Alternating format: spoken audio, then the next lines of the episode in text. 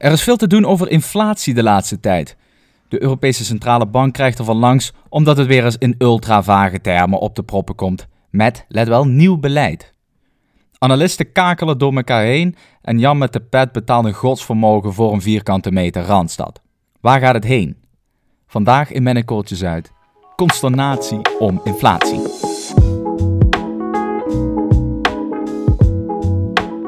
Dit is Met een Korreltje Zuid. Podcast waarin Auke en Max je wekelijks bijpraten over internationale actualiteiten en geopolitieke uithoeken. Twee heren zonder blad voor de mond met scherpe en minder scherpe analyses. En oh ja, je luistert naar twee vers uit de universiteit gerolde politicologen.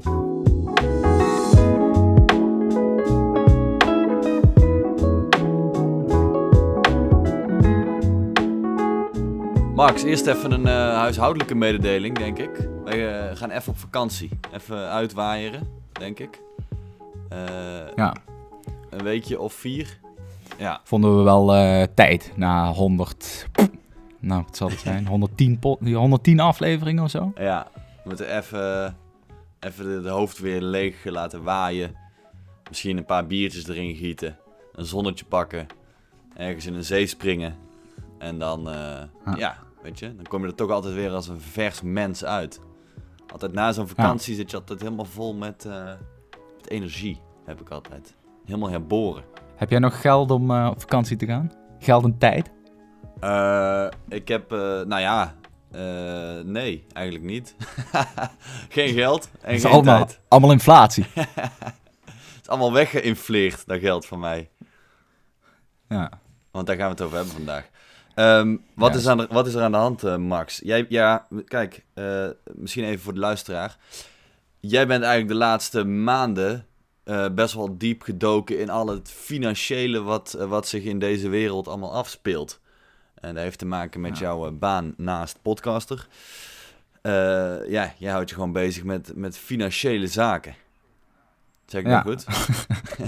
ja, dit is iedere dag weer ploegen, ploegen, ploegen door die financiële wereld. Ja. ja, Eh, ja. zeg ik gekscherend. Nee, maar inderdaad, ik, eh, ik lees daar wel eens wat over. En nu, eh, toevallig, deze periode struikelt iedereen over, ja, natuurlijk, dat- maar dat is niks nieuws, over elkaar en over het beleid van de Europese Centrale Bank. Want, wat hebben die mensen nou gedaan, die Europese Centrale Bank? Die hebben dus een soort adagium, hè? Oké. Ehm, en dat heet, we willen inflatie hebben van eh, dichtbij, maar niet meer dan 2%. En dat hebben ze nu gewisseld naar, we willen inflatie hebben van 2%. Nou, Aha. dat interesseert natuurlijk de gemiddelde Pipo de Clown die rondrent helemaal geen ene, eh, pff, nou, noem maar eens wat, niks. Ja. Maar ehm, dat is wel even een dingetje. Oké, want? Dat is wel even van belang. Nou, ehm, ja, dat moet ik misschien toch eerst. moet- moet- is, denk je dat het de moeite is om uit te leggen wat zo'n Europese Centrale Bank doet? Ja, leg maar. Ik ben wel benieuwd. Ja, eh, ik zou het niet in, eh, in een paar zinnen uit kunnen leggen. Nou, die hebben dus eigenlijk één hoofdtaak. Nou, die doen van alles en nog wat. En heel, drinken heel veel koffie. Eh, maar die hebben dus eigenlijk als hoofddoel om prijsstabiliteit te bewaren. Hè? We hebben het wel eens gehad over dat het wel belangrijk is dat prijzen stabiel zijn, omdat mensen anders aankopen uitstellen of eh, weet ik veel. De producten worden, als je, dan heb je dus deflatie, dan worden Ja. producten goedkoper en dan gaan mensen eh, hun aankopen uitstellen. Ja, want je Maar denkt, inflatie ik kan, ik betekent- kan wel nu een auto kopen, maar over zes maanden is hij gewoon eh 10% goedkoper. Dus dan, ja, waarom zou ik hem nu kopen? Precies. Precies. Nou, en inflatie, dat is het tegenovergestelde, dan ehm, ja, worden, wo- dat is gewoon een algemene stijging van het prijspeil. Ja, Ja. Dus als je 1000 euro hebt en er is sprake van eh, inflatie, dan krijg jij dus na verloop van tijd steeds minder voor die 1000 euro. Dus die Ja. 1000 euro blijft wel hetzelfde, maar de producten worden duurder. Dus de Ja, die- reële waarde van die. Zeg het maar. ja dus die, die auto, die, daarvan weet je, die is over een jaar 10% duurder. Nou ja, 10% inflatie is natuurlijk gigantisch veel, maar zeg anderhalf procent duurder. Precies. Nou, en wat krijg je dan voor een incen- incentive? Dan ga je de spullen kopen. Nou, die is Europese Centrale Bank, die moet dat in ieder geval voor Europa, moet die dat een beetje in de gaten houden, dat prijspeil. En eh, het, het doel was altijd, eh, rondom, of zeg maar heel dichtbij, maar niet voorbij uh, de 2%. Oké. 2% inflatie. Dan, dan, nou goed, uit modellen blijkt, ik ben geen econoom, maar uit modellen blijkt dat dat, dat dan, kunnen we, eh, dan kunnen we dat mooi uitbalanceren. Snap je? Dan komen we niet in de problemen. Ja. Maar, nu hebben we dus de, de coronacrisis gehad. En ehm, toen viel een hele hoop productie stil. En toen moesten landen opeens uh, ja, zeg, massaal aan de bedelstaf. En ehm, nou ja, goed, de, eigenlijk kan de Europese Centrale Bank twee dingen doen. En dat doen ze dus ook. Ze kan de rentestanden omlaag brengen. Oké. Dan wordt geld eigenlijk goedkoper. Ja. Ja. En dan wordt het dus makkelijker om dingen uit te geven. Dus als je wil dat zo'n economie blijft draaien, nou dan is het een beetje, een, beetje kloten met die rentestanden. Dat is altijd wel een goed idee, want dan gaan mensen geld uitgeven. En twee, wat ze doen, is ze, ze doen aan quantitative easing, hè, oftewel monetaire verruiming. Wow. Dat betekent eigenlijk niks anders dan dat ze gewoon uh, geld in de economie, in de Europese economieën pompen. En dat doen ze door bijvoorbeeld obligaties op te kopen. Nou, nu is het in principe de Europese Centrale Bank verboden om obligaties op te kopen. Dus je, zij mogen niet naar Spanje, zij mogen niet tegen Spanje zeggen, "Hey, Spanje geef ons even wat, eh, bij wijze van spreken, tienjaars eh obligaties uit. En dan eh, kopen we die wel even op. Dat mag niet. Verdrag van Maastricht, artikel nou, ergens 123 of zo. Die zeggen, nee, dat, dat, dat kan niet de bedoeling zijn. Want dan Maar krijgt secundair- te veel macht of zo, als ze dat zouden kunnen doen. Ja, precies. Dat, dan krijg je allemaal hele... Dat, nou goed, dan gaan we wel heel erg in detail. Maar eh, laten we het zo zeggen, voor de stabiliteit van een economisch systeem is het niet handig dat een centrale bank direct staatsobligaties kan opkopen. Oké.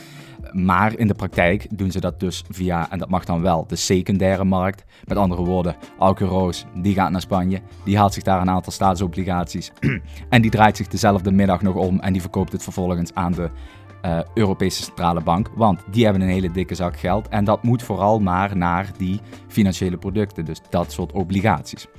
Nou, dan zou je zeggen, hartstikke handig. Hè? Dus we hebben een economische crisis, iedereen zit op zijn gat, er gebeurt niks.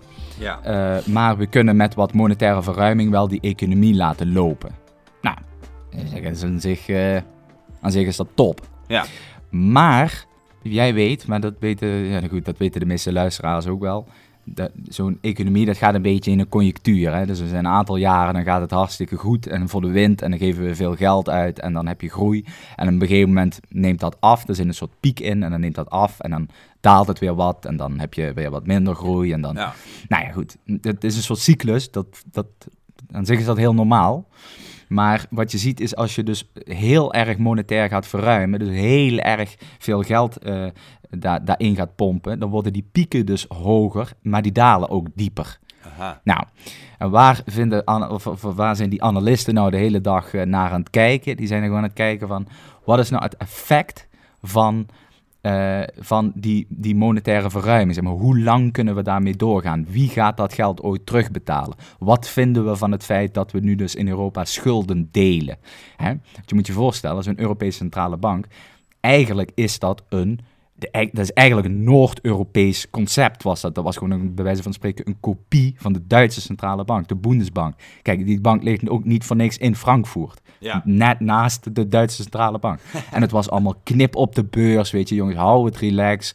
Uh, ja, je weet het, hè, de zeven vette, of de zeven magere jaren, de zeven vette jaren. Ja. Calvinistisch, rustig aan. Nou, Ja. op dit moment zijn er, of wordt er door veel mensen gesuggereerd, dat die Europese Centrale Bank gedomineerd wordt door de zuidelijke landen. Hè? Hmm. Hè, zoals dat zijn Frankrijk, Italië. Die vinden het wel prettig als er geld voorhanden is, want die zitten, die zitten verlegen om centen.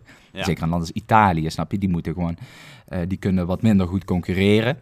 En eh, ja, die, die moeten, om dat land draaiende te houden, moeten die toegang hebben tot geld. Ja. En daar zijn een aantal, dat noemen ze dan de vrekkige vier, hè, de Frugal Four, waar Ah. Nederland dus onderdeel van is. Die vinden het niet prettig, omdat ze zeggen, ja, maar dat is allemaal leuk en aardig, we kunnen wel met geld blijven strooien, maar dat moet op een gegeven moment ook een keer terug.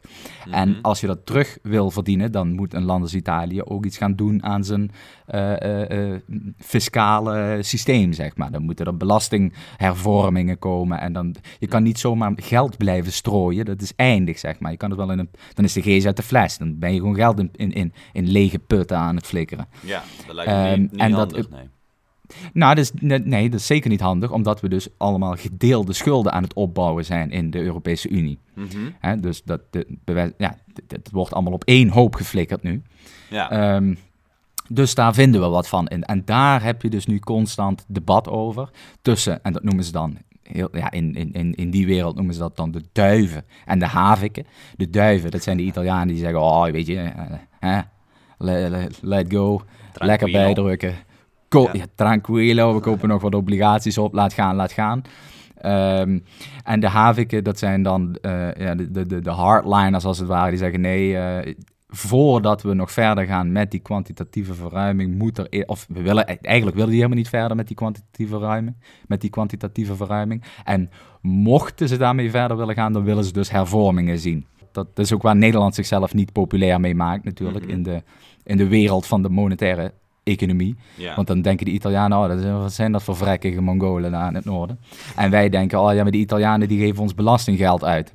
Nou, dat zijn natuurlijk allebei een beetje platitudes, maar je snapt wat ik bedoel. Ja. Daar ontstaat frictie. Er zit ook bij allebei wel een Ehm. kern van waarheid in, denk ik. Toch?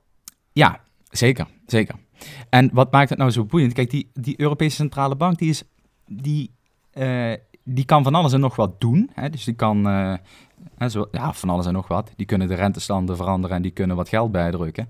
Eh, Hmm. Of wat obligaties opkopen, moet ik zeggen. Hmm. Maar wat ook een hele belangrijke tool is in hun, in hun gereedschapskist, is gewoon bepaalde sentimenten aanwakkeren of, of juist indammen door heel zorgvuldig tijdens die persconferenties woorden te gebruiken. eh, ja, die dan maken dat analisten zeggen van, oh, daar zeggen ze net van, we moeten iets meer daarop gaan letten, dus dan zal het wel zus, dus dan zal het wel zo.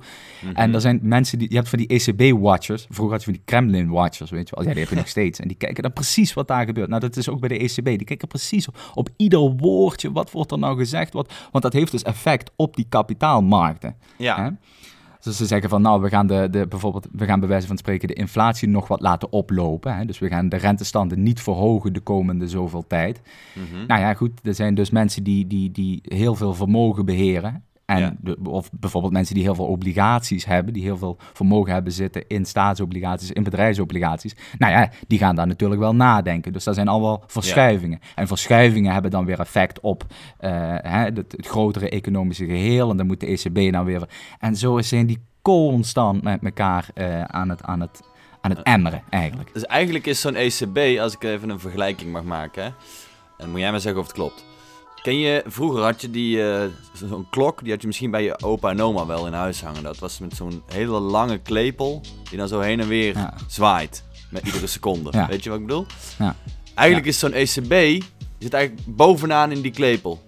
Want helemaal bovenaan maakt dat ding eigenlijk maar een hele kleine beweging. En onderaan zwaait die klepel iedere seconde heel ver van links naar rechts. Maar zo'n kleine beweging bovenin heeft hele grote gevolgen onderin. Dus daarom, is Ja. natuurlijk dat, Ja. daarom zitten al die ECB-watchers heel nauwkeur- nauwkeurig te kijken. Wat gebeurt daar precies? Want een hele kleine afwijking kan hele grote gevolgen hebben.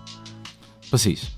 En eh, ja, nou, ik denk, dus volgens mij gaat die vergelijking op. Maar ik zou me zomaar voor, ku- kunnen voorstellen dat de luisteraar eh, die net zijn eh HAVO 5 examen heeft gedaan en nu met een fris glas bier aan de Costa del Sol aan het kijken is naar het vrouwelijk en of mannelijk schoon, denkt, hey, eh, maar wat interesseert mij dat nou? Of, dat nou, of die inflatie nou 1,4% is of, of 1,8 of 2 of, of voor mij pas 10.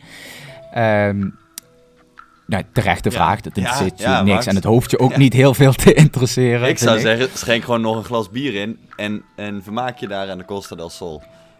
Ja, nee, maar dat sowieso. Snap je? Dus je moet sowieso. eh, als, je, als je toch op vakantie bent, dan vraag ik me sowieso ook af waarom je naar deze podcast aan het luisteren bent in eerste instantie. Maar goed, dan moet je sowieso gewoon een glas bier drinken en die inflatie even laten voor wat het is. Maar, ehm, kijk, eh, hoge inflatie Mhm. maakt ons armer. Oké. Ja, ja dat, dat snap ik. Want Ehm, alles wordt duurder. nu- ja, alles wordt duurder. Ehm, kijk, je ziet bijvoorbeeld eh, die huizenprijzen. Ja, dus Ja. eh, goed, dat, mensen die net met HAVO 5 klaar zijn, die zijn misschien ook niet zo bezig met huizen. Maar een, een, Nederlanders besteden gewoon een exorbitant groot gedeelte van hun inkomen aan, eh, aan hun woning. En het Mhm. wordt steeds, dat, dat, dat bedrag wordt steeds groter. Dus we blijven min of meer hetzelfde verdienen. Maar ehm, we eh, moeten wel veel meer betalen voor een huis. Dus dan daar worden we armer door. En let wel, als jij dus nu, omdat de inflatie is hoog, rente is laag. Dus als jij geld op de bank hebt staan, hè, dan wordt dat geld, als we niet opletten, vrij snel veel minder waard. Ja, je krijgt, je krijgt letterlijk 0% rente op je spaarrekening. En Precies. Met, met die 1000 euro kun je nu nog 1000 broden kopen. En over een jaar kun je daar nog 990 broden mee kopen. Precies. Dus eh, mensen weten niet hoe gauw ze die, die, die cash stoppen in beter renderende assets. Hè? Dus asset, Ja. aandelen of, weet ik, of, of, of private, eh, private assets, weet ik veel. Dat iemand een goed idee heeft en je, je stopt daar je geld in. Want eigenlijk Maar, is het gewoon heel eh, dom om je geld op je spaarrekening te zetten. Want daar, verlie- daar verlies je gewoon geld. Nou ja, kijk, je moet natuurlijk als particulier moet je niet achterlijk zijn. Dan moet je natuurlijk wel een beetje zekerheid in eh, Ja, bouwen. En dan nemen de, de meeste spaarders, die nemen dus inderdaad die inflatie een beetje op de koop toe. Maar je moet dat in een groter geheel zien. Dat maakt zo'n financiële markt natuurlijk wel onrustig. Snap je? Ja. Die inflatie, dat is wel een ding. En onrustige financiële markten, dat is altijd een... ehm, ja, in Maastricht, in Maastricht zeggen ze dan, dat is een beetje bankelijk. Maar dat betekent, dat betekent dat dat toch wel ehm, eh, ja, ook gekke dingen kan opleveren voor de reële economie. Mhm. Oké, je wil eigenlijk gewoon een stabiele markt. Waar er allemaal niet te veel eh gekkigheid Ja, precies. Je wil gewoon stabiliteit. Ja, precies. Je wil stabiliteit. Je wil gewoon dat mensen zich gedragen. Je wil dat iedereen met de neuzen dezelfde kant op. Er moet niet te veel gespeculeerd worden over wat, eh, zeg maar, hoe de situatie ervoor ligt over een jaar, of over twee jaar, of over drie Ja. jaar. En dat zie je nu dus wel, omdat die Europese Centrale Bank, ja goed, die neemt een bepaalde houding in, of die neemt een bepaald standpunt in, en die, die, die rolt een bepaald beleid uit, en daar moet zo'n markt dan wat van vinden. Oké, maar even ehm, ja, eh, de realiteit in. Eh, en je zei het al, ja, als je net uit de haven 5 rolt, dan is het misschien niet eh, meteen aan de orde van de dag. Maar wij zijn ietsje ouder. en voor ons is het misschien wel de orde van de dag.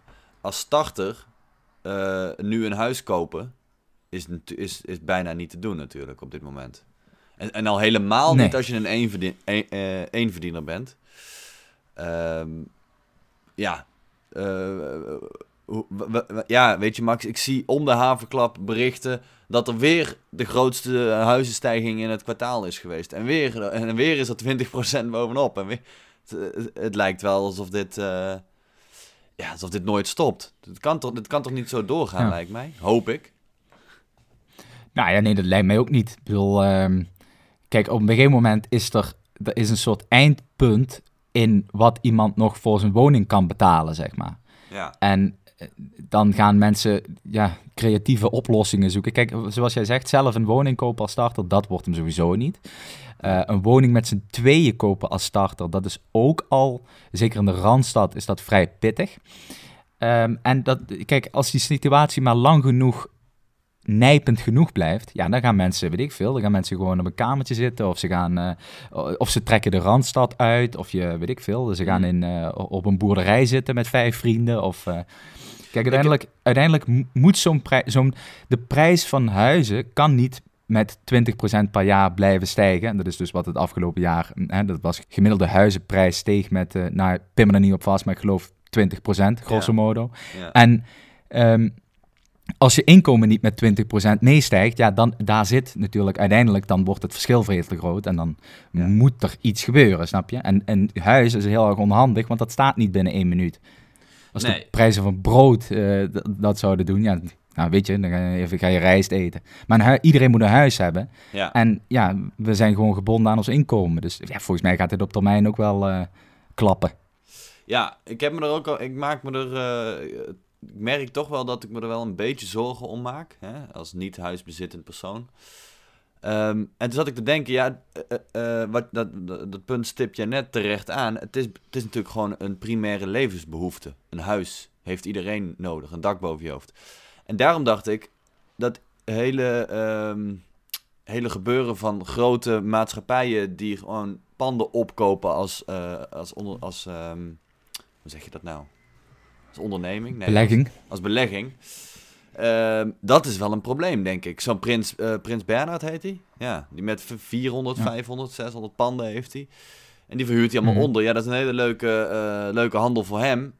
Maar ja, je, je bent gewoon wel bezig met, eh, ja, met spelen met primaire levensbehoeften. En je speculeert op prijzen. En zeker die, ja, die grote investeringsmaatschappijen, die kunnen natuurlijk toch wel eh, invloed uitoefenen op, op, op de prijs van, een, van Ja. huizen. En dat is best wel Ja. zorgelijk, denk ik.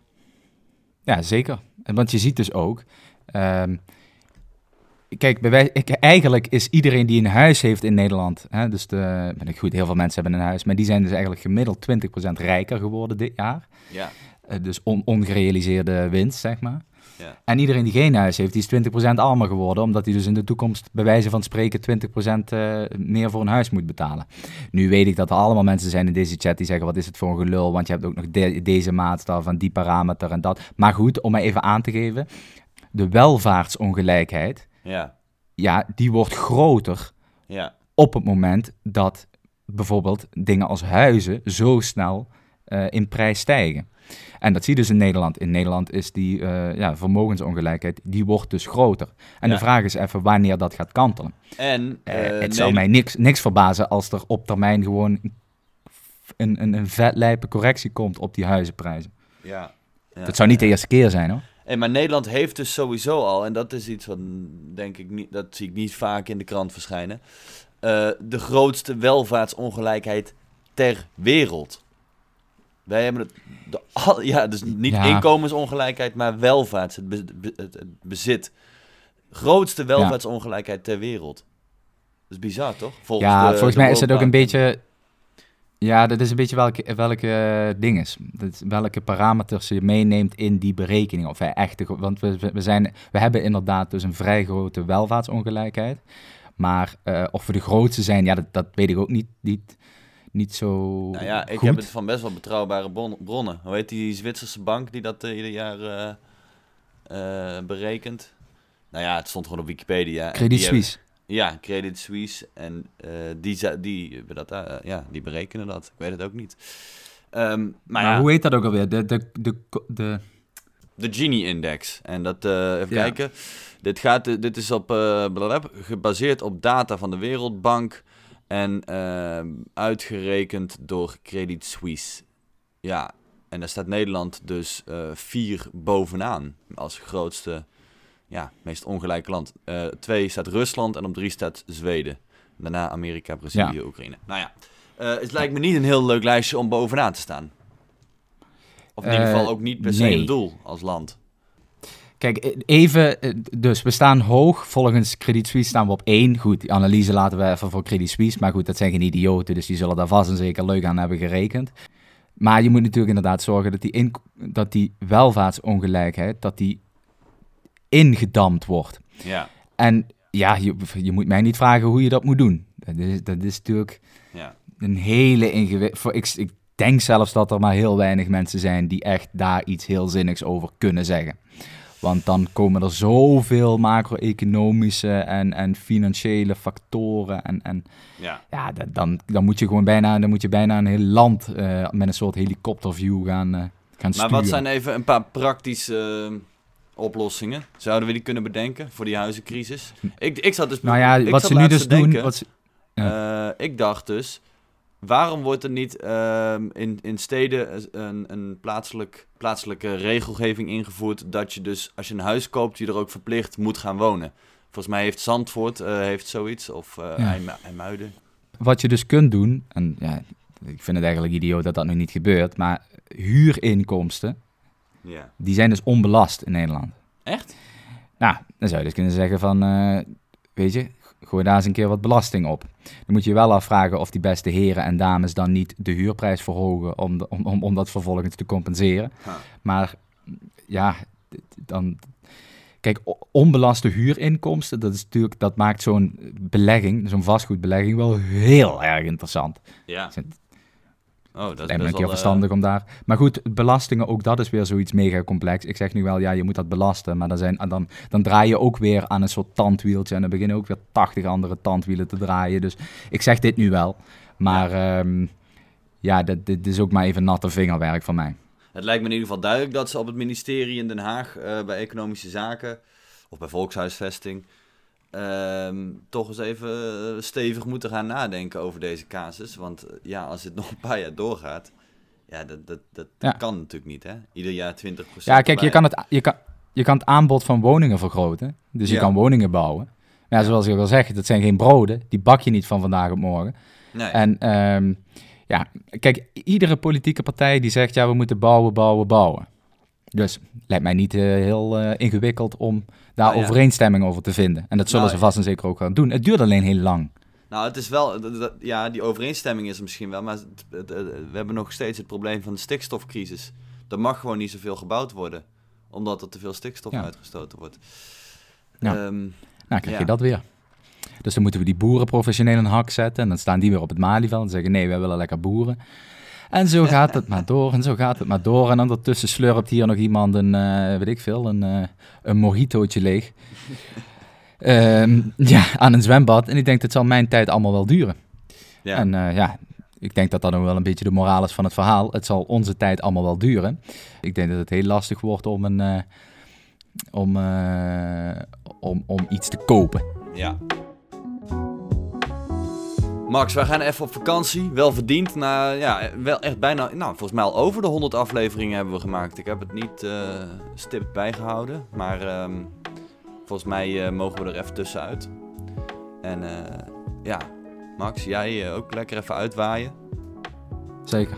En dan spreken we elkaar over een maandje weer. Oké.